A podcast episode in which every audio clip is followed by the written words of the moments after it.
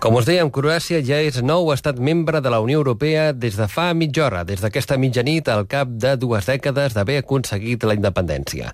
Els croats ho estan celebrant amb una gran festa a la capital, Zagreb, tot i que eh, el país està immers en una llarga recessió que ha enterbolit l'alegria per haver entrat a Europa. Seguint els esdeveniments, tenim a Zagreb, la capital, a Marialba Gilabert. Marialba, bona nit de nou.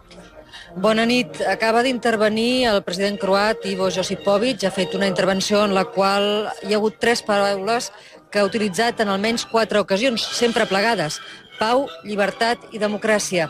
Al voltant d'aquestes tres paraules ha vestit un discurs en el que ha advertit que a partir d'aquest 1 de juliol, ja és 1 de juliol, encara que tot sembli com abans, res no ho serà, perquè s'obrirà pel davant un nou camí ple d'oportunitats i també de responsabilitats i de reptes.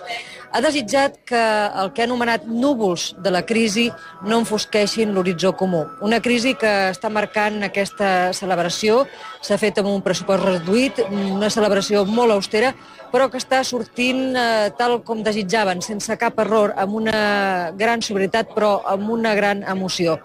El president de la Comissió Europea també està present en aquesta celebració. José Manuel Durao Barroso ha felicitat el poble croat per haver aconseguit a base d'esforç i de treball el seu desig d'integrar-se a la Unió com a membre de ple dret i ha dit que gràcies a aquest gran esforç fet en l'àmbit de drets humans, reconciliació i progrés en pau s'ha acabat un procés amb el que també ha dit s'inicia un capítol nou que ha de servir i en això ha insistit d'exemple a altres països de la regió. Es referia, eh, esclar, als països membres de l'antiga Iugoslàvia.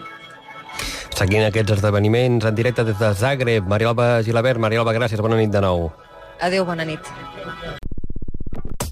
Projecte Explica Europa a Europa amb el suport de la Comissió Europea.